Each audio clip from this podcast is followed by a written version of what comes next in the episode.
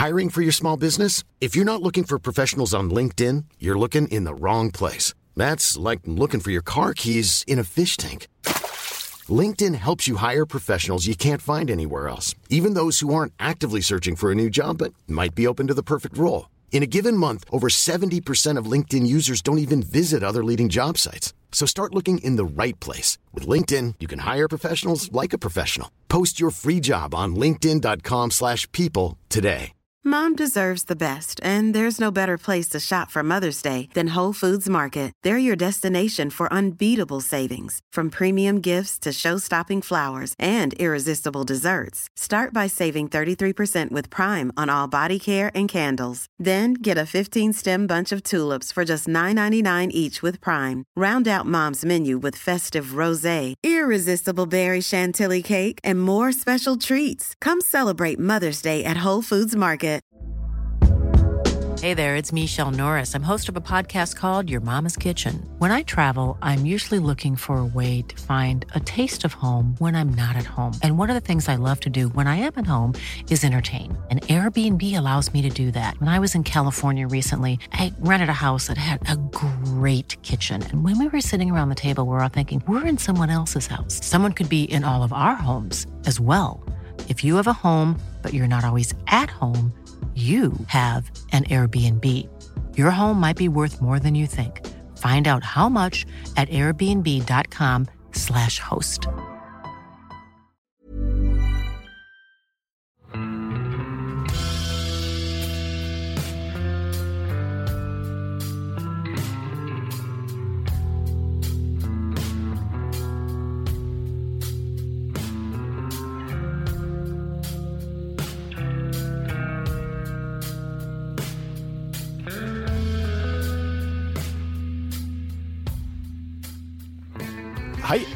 Og velkommen til podkasten Uteliv. Mitt navn er Randulf Valle, og i dag har vi faktisk kommet et aldri så lite jubileum. Det her er episode nummer 60 av podkasten Uteliv. Og den ble tatt opp ute i en mørk, men veldig lun Trondheims høstkveld. Og i dag skal vi snakke om litt av hvert. Vi skal prate om annet å forsøke å padle rundt Spitsbergen i kajakk to ganger. Vi skal prate om å ta to år fri med en målsetning om å sykle fra helt sør i Sør-Amerika til Alaska. Og så skal vi prate om hvordan det er for noen som har hatt virkelige langturer som en viktig del av livet, å få barn og forsøksvis slå rot. Og dagens gjest er Birgit Rynningen. Velkommen. Takk, takk. Vi sitter på Kvernhusflata i utkanten av Strindmarka eller Estenstadmarka. Jeg fornærmer vel noen lokalpatrioter i en eller annen leir, samme hva jeg kaller det. Er det et sted du er kjent med, Birgit? Å ja. Her har jeg brukt mange timer. Ja, for du bor ikke så veldig langt unna? Jeg bor rett innafor Bekken parkeringsplass. Så vi har vel egentlig til felles begge to at vi bor innafor markagrensa i Estenstadmarka? Ja, det har vi. Og det er ikke det verste stedet man skal bo når man først skal bo i en by, tenker jeg. Men Birgit, noen vet jo hvem du er, for i hvert fall for en del år tilbake så var du, i tillegg til å være aktiv med å være på tur, så var du aktiv fotograf og aktiv skribent, og har vært med i den Turer med trøkk-serien til Lars Monsen, og skrevet en del i diverse blad. Men så har det kanskje vært litt stillere ei stund. Hva driver Birgit med i dag? Nei, i dag har jeg et uh, ganske A4-liv, syns jeg sjøl. Um, jeg har jo, hva skal jeg si, slått meg til ro, sånn som mange andre. Jeg har en liten gutt som blir fem år i desember.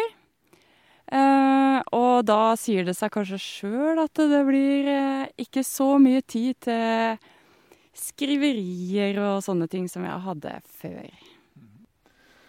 Ja, og så du er jo gift med, med Anders, og sammen så har dere en nettside som heter Lynvingen. Jeg var innom og sjekka den nå, og siste oppdatering var i 2012. Ja, nei, det, den har vel ikke Vi har vel ikke vært så samvittighetsfulle med den i det siste, nei. Det. Det er antagelig en veldig god prioritering. Jeg hadde en sånn perifer venn som starta en pappablogg. og Den hadde ett innlegg, og der sto det 'Det her har jeg virkelig ikke tid til'. Jeg kan kjenne meg igjen i den. ja, En ting til om det. altså, for at uh, jeg husker, altså Du jobber jo som forsker. Og jeg huska en av de beskrivelsene i den, de turer med trøkksakene. at uh, Der sto det at uh, som barn så var du et sånn barn som aldri spurte 'hvorfor det'?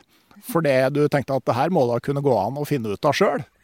Ja, det, det, stemmer det. Det har jeg jo fått fortalt fra min eh, mor og min far. At jeg, jeg prøvde å finne ut av ting sjøl, og jeg trodde jo jeg gjorde det òg. Men eh, det har nok vært noen logiske brister underveis. Sånn er det jo for så vidt i forskningen òg. Mye logiske brister som, eh, som, blir korrigert etter hvert, etter mye gråt og tenners gnissel har nå en annen god venn som har vært forsker i hele sitt liv, og eh, har nå helt på slutten av karrieren liksom begynt å summere opp fagfeltet, og noe som da fører til at enkelte andre da egentlig finne ut at det sporet de har vært på som forskere et helt liv, det viser seg å være et blindspor. og det kan jo avstedkomme ja, litt sånn såre personligheter. Ja, nei, det, det er litt sånn jeg prøver å tenke tilbake på doktorgraden min nå, så tror jeg det er én figur som på en måte er verdt noen ting. Og det er jo tre år med tre-fire år med arbeid, da i vurderingen av min doktorgrad så står det noe, jeg må oversette direkte i hodet til norsk, da, at det står at det her er et veldig komplisert forsøksfelt, så mangelen på konkrete resultater skal ikke ses på som en svakhet. ja, nei, ja, det var også en måte å si det på. Så er det vel sagt òg, da, nå prater vi oss bort her, da, men at i gamle dager så var jo doktorgraden på en måte mesterbrevet, mens i dag er det mer sånn svenneprøven og en øvelse, altså en slags forskeropplæring. Da. Og det, som opplæring så var det jo for så vidt eh, lærerikt, må man kunne si. Ja, helt enig. Det, det var lærerikt. Du har jo drevet et aktivt friluftsliv, men altså, hvordan starta det for din del? Jeg tror Altså, jeg hadde jo foreldre, mamma og pappa, som alltid Vi var alltid på tur på søndager og sånne ting. Eh, jeg hadde hund da jeg var liten, som jeg alltid gikk tur med. Gikk tur med den hver dag. Veldig samvittighetsfull. Og vi hadde hytte på fjellet, og veldig sånn klassisk eh, norsk barndom, tror jeg. Eh, og så var det vel det at når jeg flytta for meg sjøl og begynte å planlegge mine egne ferier, så har jeg en uh, venninne, eller jeg traff, uh, traff ei uh, når jeg var utvekslingsstudent i Australia. Uh, hun var blind, og, og, hun hadde en drøm om å sykle fra, fra Canada til Mexico. Men hun måtte jo da sykle på tandemsykkel. Og så spurte hun noen venner om å bli med på sykkeltur, og hun klarte å skrape sammen sånn at vi var seks stykker så, da, som tok den turen på to tandemsykler og én bil. Så vi bytta på å sykle to dager og kjøre bil én dag. Og så sånn. Eh, og det tror jeg kanskje var første gangen jeg hadde en litt sånn langtur på sykkel, da. Og så balla det på seg, og så blei det kajakk, og så ja. Jeg tror det var starten, ja. Den visste jeg ikke at du hadde vært på. altså Sykle fra eh, Canada til Mexico, det er jo en, eh, er jo en ganske stor tur. Og, det, og sånne ting må, det må dra på langtur. Det handler kanskje litt om å begynne et sted?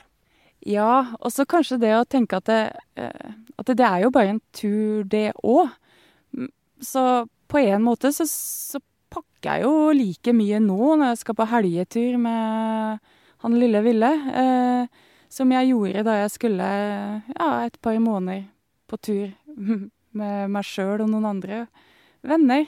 Så ja, noen syns kanskje det virker skremmende og sånn, men det er jo når man er på langtur man virkelig er på tur. Det, når på korttur nå, så blir det jo bare pakking, og så blir det å gå litt, og så tenker man på hjemturen før man har starta, nesten. Men hvis man er lenge på tur, så blir det det som er livet, på en måte. Ja, Og sånn i det mindre òg. Altså sånn der, ja, helgetur eller ukestur. Det tar egentlig like lang tid å pakke i, i begge tilfeller. Noe som måte, kan være en litt sånn frustrerende innsikt en gang iblant.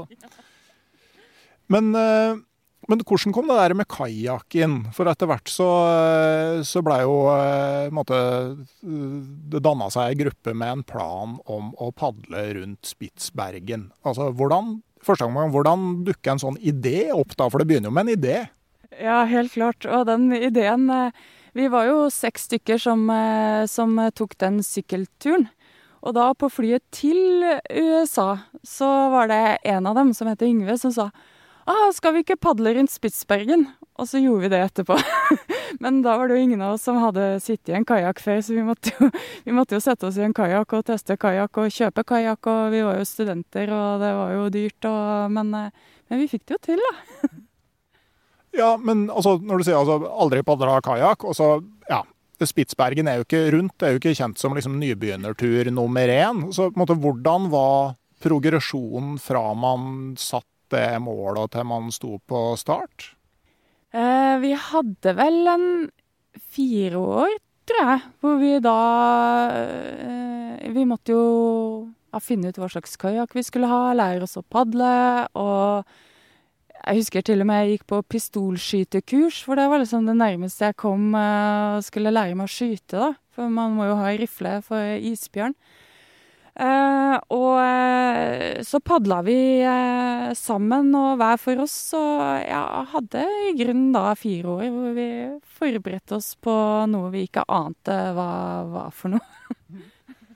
ja, for jeg må innrømme, jeg husker jeg var med i padlegruppa i NTNUI omtrent idet de planene her ble unnfanga, og tror jeg hadde med noen av ekspedisjonsmedlemmene på deres aller første kajakktur, sånn mer eller mindre.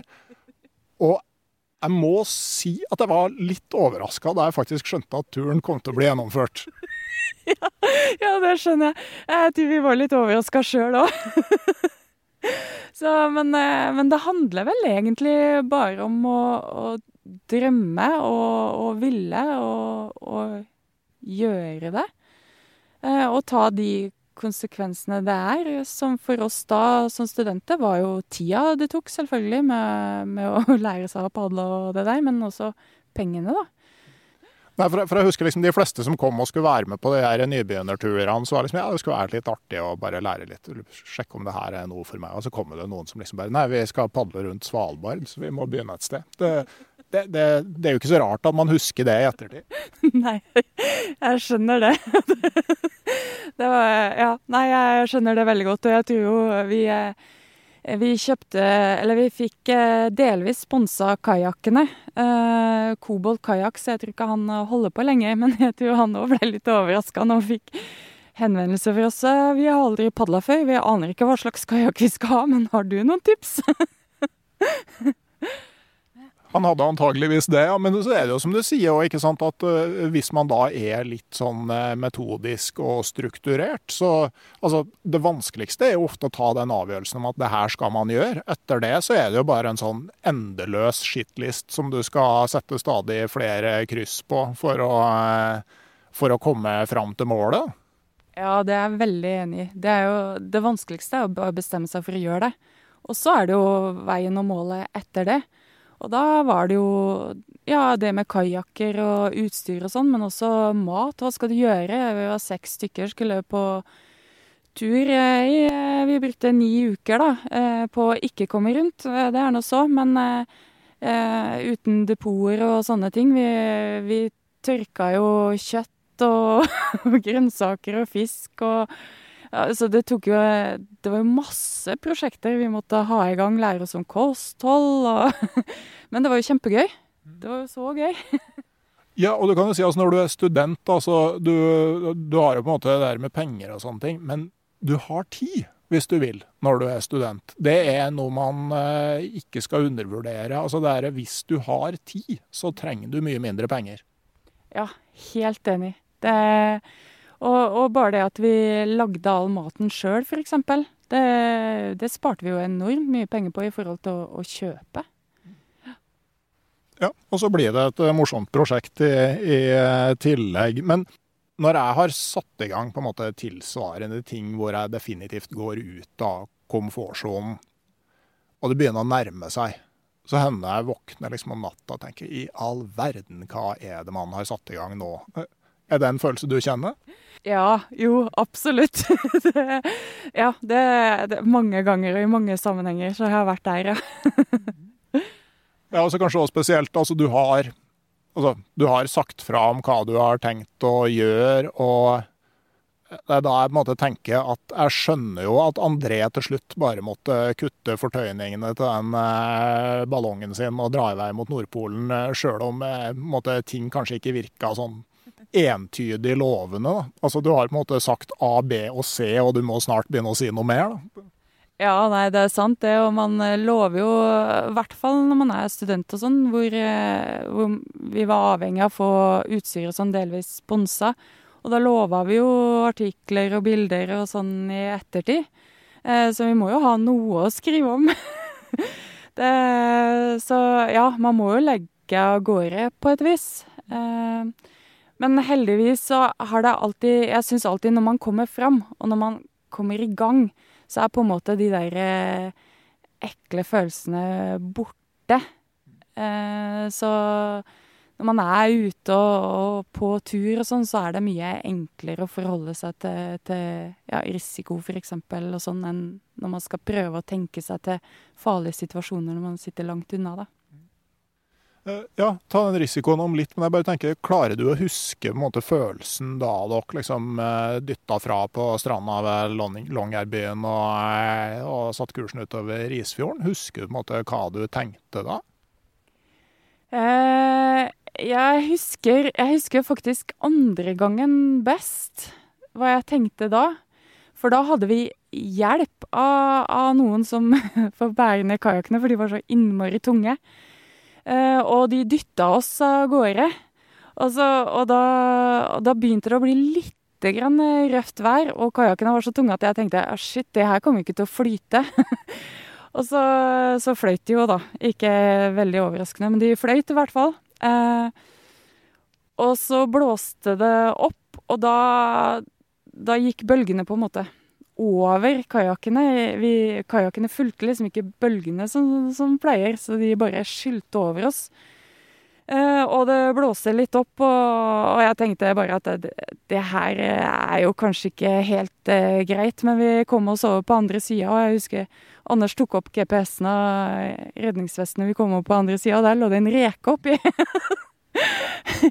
men da husker jeg at Hurtigruta gikk forbi oss.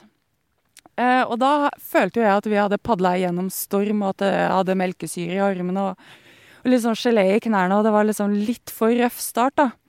Og så så jeg på de turistene som sto på dekk på Hurtigruta, og, og, jeg, og det var liksom akkurat som de oppdaga ikke at det var bølger der engang. så det, det, man kommer så nært, så innmari nært, og jeg, jeg, følte at det var storm, og det var, det var jo ikke kuling engang. Ikke sant? Sånn at du du opplever ting så sterkt, på et vis. Eh, mens hvis man sitter på ja, enten Hurtigruta eller en buss eller bil, eller sånn, så blir man så skjerma for alt. Og da husker jeg at da følte jeg meg ekstremt privilegert. Da jeg sto på andre sida der og ja.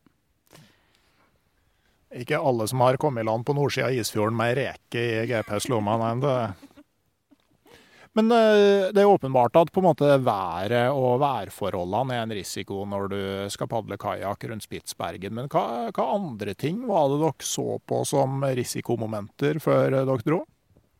Det var jo isbjørn, eh, selvfølgelig. Eh, så, så, vi hadde jo med rifler, og vi Eh, hadde snublebluss, og vi eh, hadde til og med mekka litt sjøl, så vi laga med en eldrealarm òg, ikke bare bluss, men en sånn Nei, overfallsalarm heter det. Ja, Sånn at du drar ut en pinn, og så begynner du å hyle noe veldig. eh, så, så det, det, var jo, det var jo kanskje isbjørn og vær som vi liksom tenkte mest på. Eh, men det som faktisk eh, Det vi opplevde første gangen, det var jo at det, det var en hvalross som, eh, som angrep han ene Yngve, han som kom på det hele. Det var en dag hvor vi padla, og så plutselig så så kommer det en hvalross opp fra intet og hogger ene tanna gjennom båten hans da, og, og dykker ned under båten. og og Yngve fikk eh, veldig fart på året og padla inn på land, så det gikk veldig fint. Men eh, hadde, hadde hvalrossen truffet cockpiten, så hadde den jo fått en tanna i låret, liksom. Så, og det var en ting vi ikke hadde forestilt oss på forhånd, da. Det er jo eh, en utrolig bra story å ha den dagen du sitter på gamlehjemmet. da. Det... Ja, Vi er litt misunnelige på Yngve og alle vi andre, at det var han som opplevde det, ikke vi. ja. Det, er òg en måte å eh, se det på, så klart. Det fine med å sitte i Bymarka eller Søstenstadmarka i Trondheim, at du sitter under innflyvninga til Værnes òg. Så nå hører dere kanskje at det kommer et fly forbi. Men jeg tenker på den første gangen dere padla, så var dere seks stykker to par og to jenter. Altså For så vidt kjønnet på de to siste er jo litt irrelevant, men jeg tenker gruppedynamikken eh, må jo være litt interessant med en sånn eh, konstellasjon.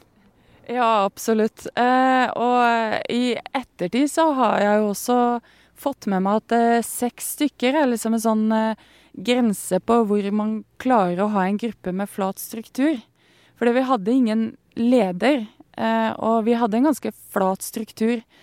Uh, men jeg, jeg, tror nok vi var veldig heldige, fordi vi hadde ingen store konflikter. Vi hadde absolutt gnisninger, og, og det var Gruppa blei jo ganske treig på et vis, for alle skulle høres.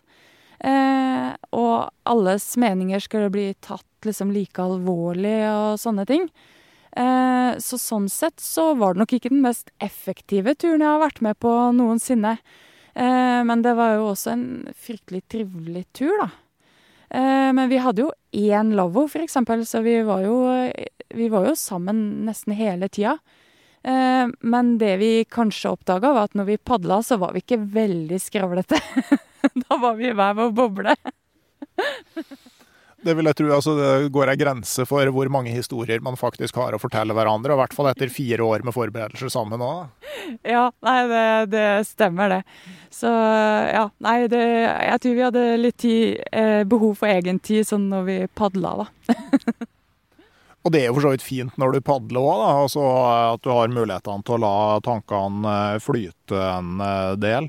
Men bare sånn praktisk, sånn når du padler rundt Spitsbergen, altså hvordan er det å finne leirplasser? Hvordan er det å finne ferskvann? Det var ikke så ille, eh, så det gikk egentlig ganske greit. Vi hadde jo ganske detaljerte kart, sant? Vi, og det det var jo vel eh, bare rett ved Longyearbyen vi ikke Vi anbefalte å ikke drikke vannet fra pga. sånn musepest som var eh, da. Men, eh, men, ellers så kunne vi jo drikke det naturlig nok overalt. Så det gikk veldig fint. Mm. Men um, Eh, jeg tenker også, liksom, Når du er seks stykker, én ting er jo at alle skal høres, og sånn, men òg det er jo måte, alt med å komme seg i veien og uh, sånne ting òg. Altså, sånn, tenker du at størrelsen på gruppa måte, hadde en innvirkning på hvor langt dere faktisk kom på den turen? Eh, nå var det jo isen som stoppa oss til slutt, eh, men, eh, men hvis, eh, hvis, det ikke hadde vært is der, så ja, absolutt. Det, det var jo ikke noe effektiv gruppe. Eh, det, det, eller på en måte så var vi jo det, fordi at vi padla jo og kom jo ganske langt. Eh, så sånn når jeg tenker på det nå, så syns jeg jo at det, det, var forholdsvis imponerende, egentlig. Eh, men det vi Det vi kanskje og, og, jeg tror alle hadde et mål om å komme rundt. Så selv om vi hadde litt sånn forskjellige grenser på når vi syntes det var greit å padle og sånn, så hadde vi allikevel et mål. Eh, men det vi kanskje merka, var når vi, når vi, bestemte oss for å snu, altså når det var helt opplagt at vi kom ikke videre, så var det litt sånn forskjell på hva vi ville. Ville vi liksom da bruke mest tid på å sitte ved bålet, eller ville vi da gjøre en litt sånn eh, idrett det å prøve å padle langt eller fort eller noe sånt da? Det hadde vi jo ikke diskutert. Og hva var, hva var målsetningen da? Skulle vi komme fram samla? Skulle vi Ikke sant, sånne ting. Men, eh, men, jeg tror egentlig at vi hadde veldig god takhøyde, så vi tok de der diskusjonene ganske fort. Og det tror jeg hjalp, da. Så, så det var egentlig veldig god stemning. Men du og Anders, da, dere bestemte dere for å prøve en gang til. Eh, så, så det å komme rundt må åpenbart ha vært en reell drivkraft, da? Ja, og, og så er jeg litt sånn usikker på hvor mye målet egentlig har å si. Fordi at det har veldig mye å si i planleggingen, og det har veldig mye å si for at du eh, kommer deg ut. Og så har det veldig mye å si for om du får litt oppmerksomhet, da. Om du får sponsa ting eller ikke. At man har et mål. Og jeg, og syns jo det er kjempeartig å, å jobbe mot mål. Eh, men eh, underveis så vet jeg jo òg det at det er jo veien som er egentlig målet, men man må ha et mål for å komme seg ut, eller hva jeg skal si. Men helt klart, altså det hadde vært kjempekult å ha klart det. Eh, men grunnen til at det er et mål, er vel fordi jeg har lyst til å se hele kystlinja, eller hva jeg skal si. ja. Men uh, måte, hvordan ble den andre turen? Altså, det må bli ganske annerledes når dere da var ja, to personer som er kjærester? Ja, um, det blei jo ja, For det første så, så hadde vi eh, bedre tørrdrakter. Eh, sånn at vi, uh, vi padla i mye røffere vær, sånn at vi blei mye mer effektive. og så hadde vi ikke de derre mm, veldig lange diskusjoner om padle, ikke padle eller sånn. Vi var litt mer sånn at vi, vi, Når vi hadde det, så var det fordi vi var veldig usikre begge to på om vi burde padle eller ikke. Eh, og da hadde vi jo på en måte vært på tur så lenge at det, vi visste på en måte hva den andre var god for, og hvilke sterke og svake sider den andre har. Sånn at vi Hvis Anders sier at ja, men jeg er komfortabel med å padle, så var jeg også komfortabel med at han kunne padle. eh, og det er jo noe som gjør ting mye lettere, og man unngår den derre tenke for andre-situasjonen hele tida. Sånn Ja, men klarer hun eller han å padle? Ikke sant? Så Så jeg, jeg, var, jeg var, liksom alltid Jeg stolte alltid på Anders sine vurderinger eh, ut ifra sin egen Eller hva han var komfortabel med, da. Men, men hvordan syns du det er å, å måtte drive risikoaktiviteter sammen med kjæresten din? Eh, ja, for det første så tror jeg det å stole på eh, på den andres vurderingsevne er jo helt eh, essensielt. Um, jeg har jo opplevd at jeg har, har, har, trodd Eller jeg har opplevd at Anders har feilvurdert. Eh, og hvor jeg da feilvurderte Altså at det, eh, han prøvde å padle gjennom noen brytende bølger en gang på, på Svalbard hvor han mente han hadde tima bølgene, hvor han absolutt ikke hadde gjort det. Og jeg var jeg, jeg, hadde jo tenkt at han skulle padle rundt, og jeg hadde tenkt å padle rundt. Um, men så plutselig så padler han gjennom, og bølgene bygde seg opp mye mer enn han hadde tenkt, og han kom unna med det med et nødskrik, da. Og min reaksjon da var jo å sette rett etter. Uh, og det var jo veldig lite logisk, så det var nok uh, helt sånn følelsesstyrt at jeg bare så, så, jeg slapp unna med et enda mindre nødsk eller større nødskrik. Så Eh, så det var jo fryktelig dumt gjort, eh, på et vis. Eh, men, eh, men, på en annen side òg så, så, tror jeg at det Det er kanskje en styrke òg, at man kan være Man er liksom et ordentlig team, da. Mm.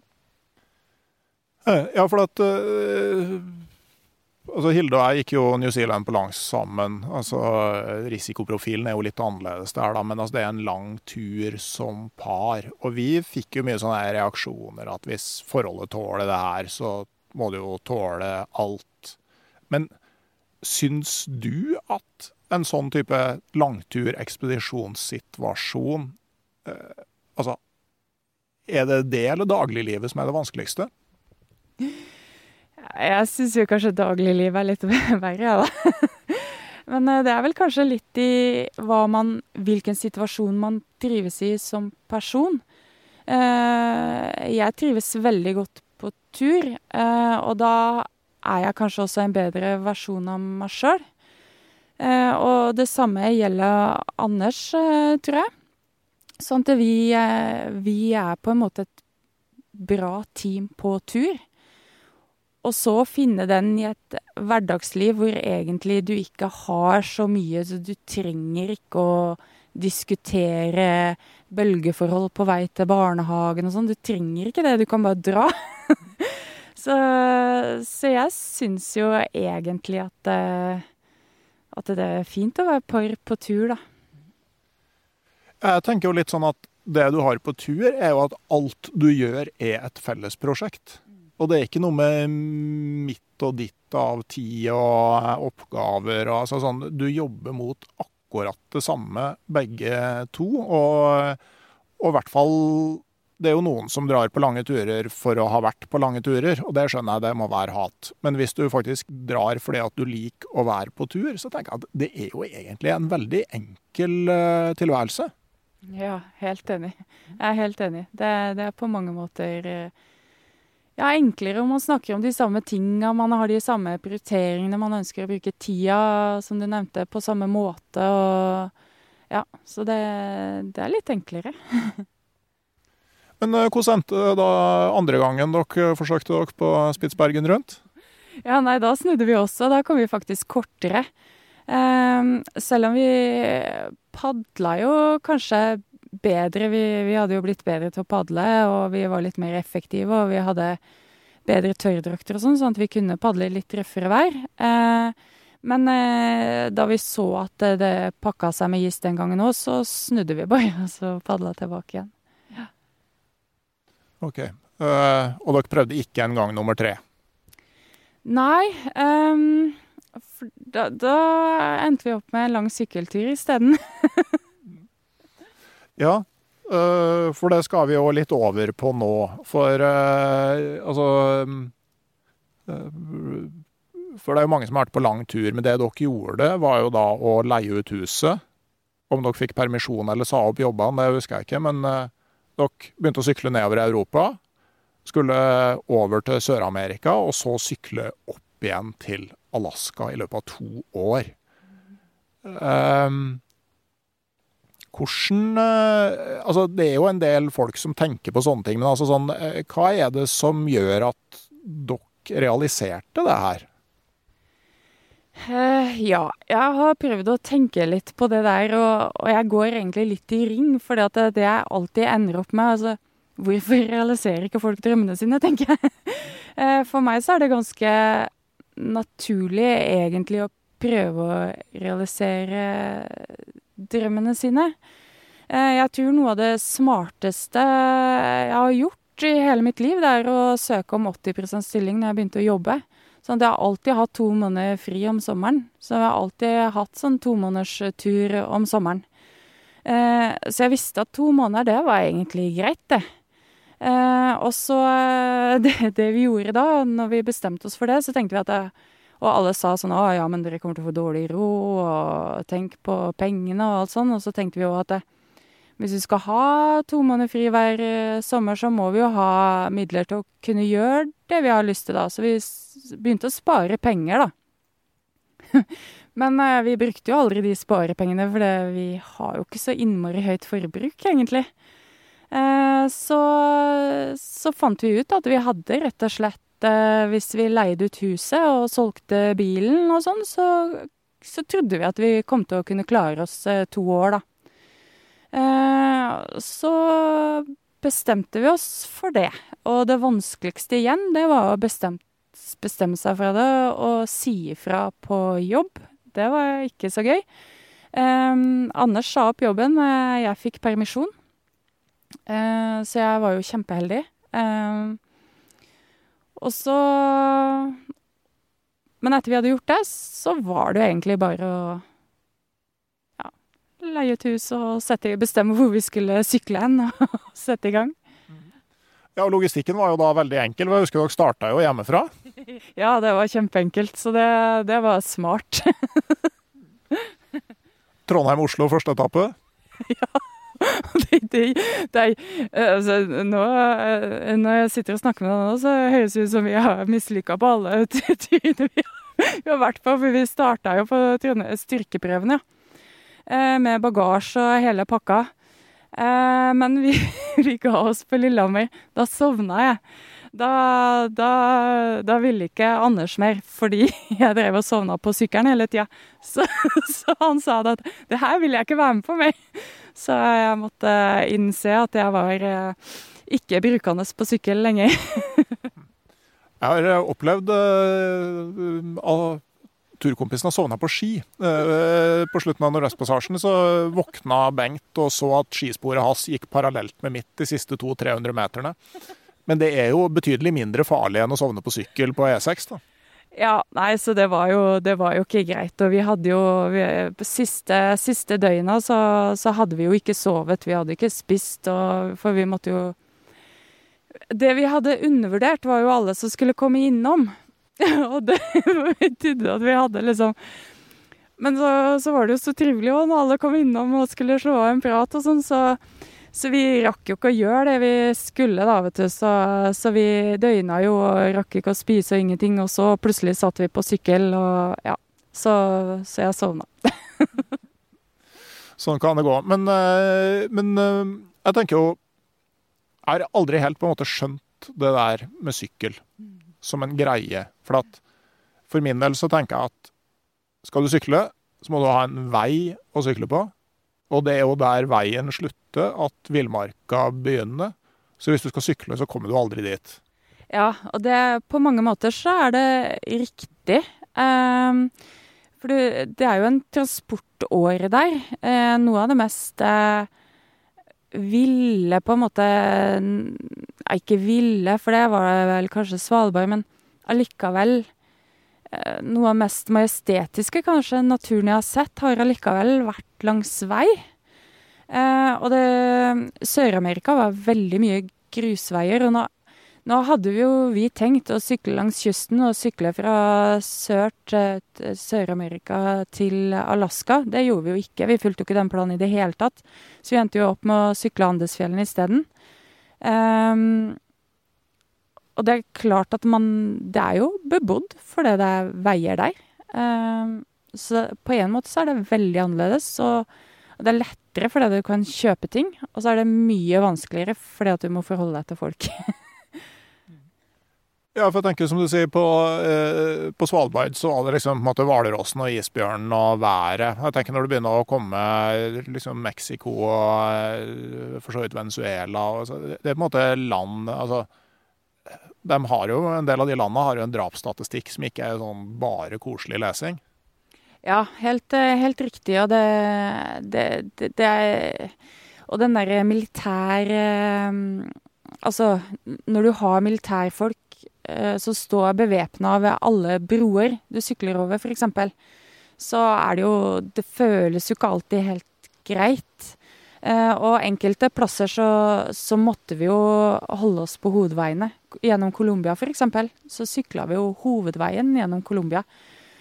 Um, og vi har jo også opplevd å bli stoppa av militærpatruljer. Det blei vi jo hele tida, selvfølgelig, fordi de var nysgjerrige og skulle se passa våre og sånn. Men, men eh, i Honduras en gang så, så, stilte de seg jo i kringvern eh, når de snakka med oss, og så spurte han sjefen Jeg vet ikke åssen rang han hadde, men han som, han som eh, snakka med oss, da, spurte om vi hadde med oss våpen.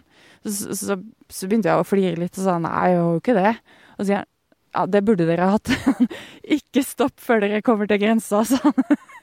Og det, det, føles jo ikke greit. Nei, det Jeg tenker det Altså, på en måte klarer man å slappe av i leir, eller på en måte prøver man å gjemme seg, eller prøver man å finne de plassene hvor man er aller mest synlig? Eh, vi hadde litt sånn forskjellig taktikk. For i Peru f.eks., så i fjellene der, så, så, er det jo veldig få folk, og der gjemte vi oss da. Eh, Colombia og, og, egentlig hele Mellom-Amerika er jo veldig tett på folka, egentlig. Så der så vi veldig mye inne. Eh, og vi campa liksom på bensinstasjoner og sånn. Så sånn at vi, vi Ja. Um, og vi forsøkte å være vekk fra veien før det blei mørkt og, og sånn, sånne ting, da. Um, og, og holde oss unna bikkjepakk var jo også en sånn der greie som uh, Ja, vi, vi traff jo på noen syklister uh, når vi begynte å sykle i Peru, som sa at de landsbyene der bikkjene er veldig aggressive, bare sykle fort gjennom, for det sier noen folk der. Og det, det tror jeg kanskje stemte, og det, det er det inntrykket vi jo har. Altså, der vi, der vi blei møtt av veldig aggressive hunder, der var det også veldig vanskelig å, å, å kjøpe Bare å få kjøpt vann, eksempel. Okay. Jeg husker du hadde et eller annet blogginnlegg og rundt at liksom på en måte kjønnsrollen og sånn var litt eh, annerledes. At dere hadde noen litt sånn morsomme måter å eh, konfrontere det her med restaurantbesøk og sånn? Ja, stemmer det. Det var jo det var påfallende på en måte at, eh, at folk ikke snakka til meg. Så typisk sånn når vi kom på restaurant, så, så fikk Anders eh, menyen. Eh, og, så, så ga, og, så, ga, han den til meg, og så kom eh, servitøren og spurte hva hun skulle ha, og jeg bestilte. Så svarte de Anders, og så kom de med maten, så ga de den til Anders. Og eh, når de skulle ta Når de skulle ha Eller skulle gå, så var det jeg som ba om, eh, om å få regninga, og de ga den til Anders. Jeg betalte, og de ga vekslepengene til Anders.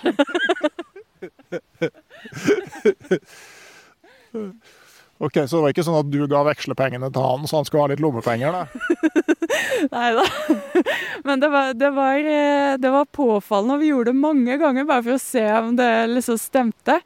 Og det var hver gang. Og, og det var også det at de eh, skulle hjelpe meg hele tida med sykkelen, da. Og det er jo Og mannfolk i Sør-Amerika er jo små. Jeg er mye større enn dem. Så mye lettere for meg å bære sykkelen min enn en for de, da. Men uh, de skulle nå hjelpe meg med sykkelen uh, overalt. godt ment, da. Ja, det var godt ment. uh, kom dere til Alaska? Nei, vi kom ikke til Alaska. Vi dro hjem fra Mexico. og det var jo egentlig et bevisst valg etter hvert, fordi vi endte opp med da å sykle Andesfjellene istedenfor eh, langs, eh, langs eh, kysten, da. Ehm, så ja. Så Alaska får vi ta en annen gang. ja. ja. Var dere borte i to år? Vi var borte i to år, ja. Så, så da da blei ble det vel egentlig til at vi bestemte oss for at uh, vi skulle dra hjem, da. Jeg, jeg tror jeg godt kunne ha sykla videre, egentlig. Men uh, jeg tror Anders var klar for å komme seg hjem, egentlig. Ja. ja, OK, så dere var ikke egentlig helt samstemt på om det var nok etter to år? Jo, avtalen var to år, så det er egentlig helt greit. Men, uh, men jeg tror hvis, hvis Anders hadde villet sykle et år til, så hadde, hadde, ikke jeg vært sein å be. For, for, jeg kunne godt ha sykla et år til. Jeg, jeg, tror nok jeg helst ville gjort det. Men eh, det, det, var liksom to år, og jeg var fornøyd med to år. Det, så, så det, var, det var Det var helt greit. Men, eh, men jeg hadde ikke hatt noe mot et år til, nei. Men to år, ja, det er, en, det, det er, jo en, rimelig solid tur. Hvordan er det første dagen på jobb etter at du har vært to år på sykkeltur? Ja, åssen var det? Det var jo eh, På en måte så, så var det jo da nesten som om sykkelturen var et annet liv allerede. Det var akkurat som å bare gå rett tilbake til det jeg hadde gjort før. Eh, på en annen måte så var jo det plutselig litt fremmed òg, på jobb. Det gikk jo fort over, riktignok. Men eh, men det var, eh, det var litt rart. Det, det, var fint på et vis, eh, fordi man møter jo de samme folkene. Man, jeg har fryktelig gode kolleger, så det var veldig artig å møte dem igjen. Men, eh, men på et vis så, så blir Så blei jo sykkelturen da med en gang et annet liv.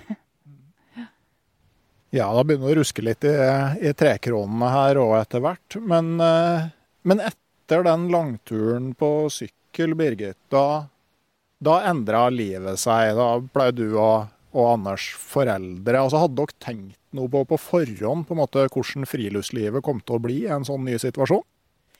Eh, ja, vi hadde jo tenkt, prøvd å forestille oss åssen det kom til å bli, men eh, det var vel litt sånn at eh, man vet ikke hva man går til. Eh, men jeg, ønska jo på en måte å vise fram friluftsliv til han eh, lille òg. Eh, men jeg ante egentlig ikke Jeg, ante ikke hvordan man Kan ta med en liten unge på sykkeltur, padletur? Hva kan man gjøre med en liten unge, liksom? Så, så jeg var vel egentlig bare Ja, jeg visste ikke. Så jeg måtte bare se. Jeg trøsta meg liksom i den fasen der med en sånn bok eh, jeg leste fra Nord-Canada, hvor en eh, sånn inuittstamme eh, som da måtte stoppe litt utpå dagen for at det var ei av damene som skulle føde. Og dem Jeg har satt opp noe telt og sånn så hun kunne føde, og det her var på vinteren. Og så fortsatte de og tok litt av det som var igjen av forflytningsøkta, og før, før, det på en måte da var tide for å slå leir igjen. Så jeg tenkte at ja, unger har vært født ute i telt, og antagelig går det an å ta dem ut ganske tidlig. ja, jo, det er helt sant. Eh, og det, det, stemmer nok òg, det. Jeg, jeg må ærlig innrømme at vi var ikke helt der. Men vi tok den jo med ut ganske tidlig, da. Det gjorde vi. Men det var ikke sånn du, at du ba om å bli utskrevet fra sykehuset samme dag fordi at du ville på teltturen? Nei, det var ikke det. Han er født i desember, og det var kalde dager, og jeg forholdt meg til den der ti minus-regelen og alt sånn, så, så man blir jo på en måte veldig forsiktig òg. Og så tror jeg òg man blir prega av det som som folk sier rundt. Altså Hvis folk rundt syns at det er helt galskap å ta med en liten unge i telttur, så, så blir man vel litt usikker òg. Men, men, er det ikke litt fascinerende at stort sett alle norske foreldre lar ungene sove ute i vogna om vinteren? Men hvis du tar dem med på telttur, så er det liksom noe helt annet. Ja, det er, det er, veldig snodig. Og det er også Jeg har veldig mange utenlandske kolleger, og det er noe av det de kommenterer. At, eh, at nordmenn lar ungene sove ute i vogna midt på vinteren, til og med. Nei, så husker jeg, altså vi og øh, Vår eldste var født liksom, det bikka på andre sida av nyttår, da, til januar. Men egentlig veldig sånn fint. For at øh, når det da begynner å bli lunt sånn uti juni, så, øh, så, tenkte vi at det var perfekt alder for å starte teltlivet. Så hun eldste var fem måneder på første telttur. Og, og vår strategi var liksom litt det der at det her skulle være noe som alltid hadde vært der, og som var en naturlig del av livet. Ja, det, vi gjorde vel litt sånn vi òg. Så når det begynte å bli eh, sommer og sånn, så var vi også ute på telttur. Så siden han er født i desember, da, så rakk jo han å bli eh, seks måneder før han, før han var på sin første telttur. Men da, da hadde han med på sykkeltur og, og telta. og og det er jo sånn nå at han, han stiller jo ikke spørsmålstegn ved telt, han syns jo det er stas. Han syns det er kjempegøy som våre har, de syns det er fryktelig artig å leke inni teltet, f.eks. Det er jo en diger hoppeborg full av eh, liggeunderlag og, og, soveposer, så det kan man gjøre veldig lenge. Eh, sånn at, men det var ikke liksom akkurat det man gjorde før, da. Nei, det, det, har blitt uh, veldig annerledes. Uh, det har det. Så, og, og, selve denne campingopplevelsen har på en måte blitt eh, viktig. Det, før så så man jo i teltet, nå er det jo hoppeborg og lekeplass og det Det er jo fryktelig stas å ha med små unger på tur. altså Du ser jo liksom naturen gjennom deres øye og, og mye sånt. Og så er det litt jobb òg. Jeg har noen sånne minner fra Varangerhalvøya, Norges østligste turistforeningshytte. Det er et gammelt hus som var bygd av et ektepar på 30-tallet. Og jeg ble henvist til å sove i slagbenken på kjøkkenet. Den var smal og kort, og ikke bare det. Hun yngste drev og fikk tenner, så eneste plassen hun klarte å sove, det var i armkroken min. Og når du hadde en baby i armkroken der, så var det ikke plass til meg på madrassen. Jeg lå liksom på sida på sengekanten. Eh, og, det blir noen sånne opplevelser som det der. Ja, absolutt. og det der òg at det er lyse kvelder og en unge som er helt uh, uh, gira opp på tur. Og uh, det der å legge seg til å sove, sånn at man kan få litt sånn kveldskos ved bålet eller sånn og slappe av litt, det, det er liksom ikke helt der, da. Så Og det sier du som bor i Trondheim? ja. Vi hadde den fasen i Hammerfest. Da. Det, det er jo ikke i nærheten av å bli mørkt engang. Nei. Nei, jeg skjønner ikke hva jeg klager over. vi, vi, fant ut at du måtte ha med ekstra sånn tarp, presenning, til å dra utapå teltet. Og den fjellduken med sånn uh, sølvfoliebelegg på innsida var egentlig helt fin, for den er veldig lystett. Da gikk det an å få dem til å sove. Og så må du være veldig nøye med leirplassen, sånn at du får noe sånn dekning i nordlig retning da, som tar sola en del av døgnet. ja. ja, nei, det, ja. nei det, det, blir annerledes. Det blir veldig annerledes, rett og slett. ja, øh, men jeg tenker òg altså sånn da, når du da finner fram øh, Åpner PC-en da og blar gjennom bildearkivet og og blar tilbake til Svalbard og ja, til Sør-Amerika og sånne ting. Altså, hva slags følelse gir det deg? Jeg er jo egentlig først og fremst veldig takknemlig og veldig glad for at vi dro på de turene. Eh, og at jeg dratt på så mange turer som jeg eh, rakk, på en måte. Men det er også litt eh, trist å tenke at det Vi kommer ikke dit igjen. Eh, ikke, ikke på en stund enda, i hvert fall. Nei, og jeg tenker på en måte Gjør man det kanskje noen gang? For at altså, noe av det som jeg husker med de sånn lange padleturer i Canada og sånn, at du er så til de grader der og da, og det er ikke noe annet i hodet ditt. Men jeg tenker, hvis du har unger, sjøl om de er voksne, så vil det være vanskeligere å ikke la tankene drifte i en sånn situasjon enn det var før. Ja, det tror jeg du har helt rett i. Og, og det er også det at jeg, jeg vet ikke Nå vet ikke jeg åssen det er å ha uh, voksne unger, men, uh, men, jeg vet ikke om jeg noensinne kommer til å komme dit igjen at jeg har lyst til å være borte to år. Nei. Har dere tenkt på å ta med Ole på, på noe sånn tilsvarende langprosjekt? Det er jo en del familier som gjør ganske spenstige ting sammen. Jeg har jo tenkt litt og drømt litt og sånne ting, men det har aldri blitt helt uh, konkretisert. Uh, det første var litt sånn Å nei, vi må vente til jeg er ferdig med bleie, i hvert fall. uh, men og, og, jeg tenker jo sånn som nå, så Jeg tenker at han bør være såpass stor at han også får en, en, minner som på en måte sitter. Og da blir det plutselig skolealder, og da kommer det jo veldig an på hvordan han klarer seg på skolen, eksempel. Sånn at alt vil jo bare bli lagt opp til hva slags skolegang han får, hvilken type han blir, og hvilke, hva slags drømmer han har også. Uh, det var en hyggelig prat, Birgit. Jeg tror vi begynner å nærme oss slutten her. Men jeg tenkte, altså, som mor når han om eh, sånn tidlig i 20-årene kommer og sier eh, Hei, mutter'n. Du, er jeg og noen kompiser vi skal fullføre det du og fatter'n ikke klarte. Nå skal vi padle rundt Svalbard. Hva sier mamma da? Nei, det får du ikke lov til. Nei, jeg, jeg, jeg, kommer jo til å slite med den. Jeg ser jo det. Jeg, jeg kommer til å være livredd. Men jeg skal si Oi, så flott, da! Husk å forberede deg godt, da. Nei, jeg, jeg, håper virkelig at jeg, at jeg, klarer å være støttende og, og eh, og på en måte fornuftig og gi han den friheten han bør ha, skal og bør ha. Eh, men eh, jeg vet jo at jeg kommer til å Jeg kommer jo ikke til å like at han gjør akkurat de samme tingene som det jeg har gjort. Det, det gjør jeg nok ikke alltid, da. Men, eh, men han skal få lov. ja, du har vel ikke noe valg med å forby det etter hvert, og det, det kommer vel egentlig ikke noe godt ut av å prøve å stoppe sånne ting? Nei, absolutt ikke. Så eh, Nei da, så på, det er jo litt sånn Det er jo litt rart, for på en måte så håper jeg jo det. For jeg håper jo at han eh, eh kan få noen av de samme type opplevelsene som det jeg har hatt. Eh, men på en annen side så kommer jeg jo til å være eh, bekymra. det er klart. Da er det blitt enda mørkere her i Estenstadmarka, Strindmarka, kall det hva du vil. Podkasten Uteliv har gjennomført eh, nok en episode, den 60. i rekka.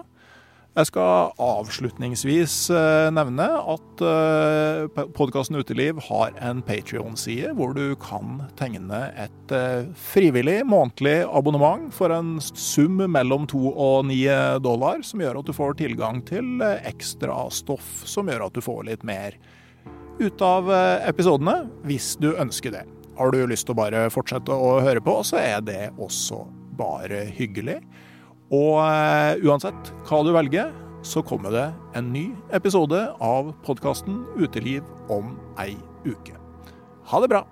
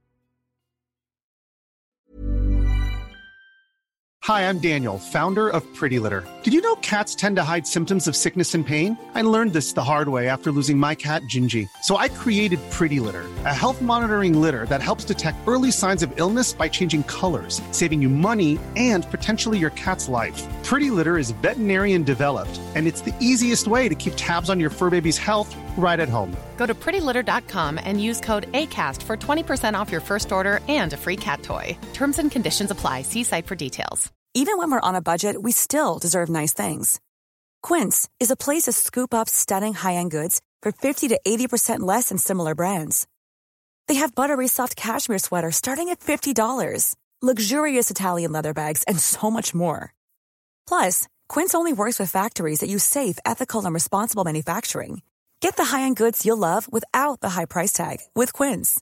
Go to quince.com/style for free shipping and 365-day returns. Mom deserves the best, and there's no better place to shop for Mother's Day than Whole Foods Market. They're your destination for unbeatable savings, from premium gifts to show-stopping flowers and irresistible desserts. Start by saving 33% with Prime on all body care and candles. Then get a 15-stem bunch of tulips for just $9.99 each with Prime. Round out Mom's menu with festive rosé, irresistible berry chantilly cake, and more special treats. Come celebrate Mother's Day at Whole Foods Market.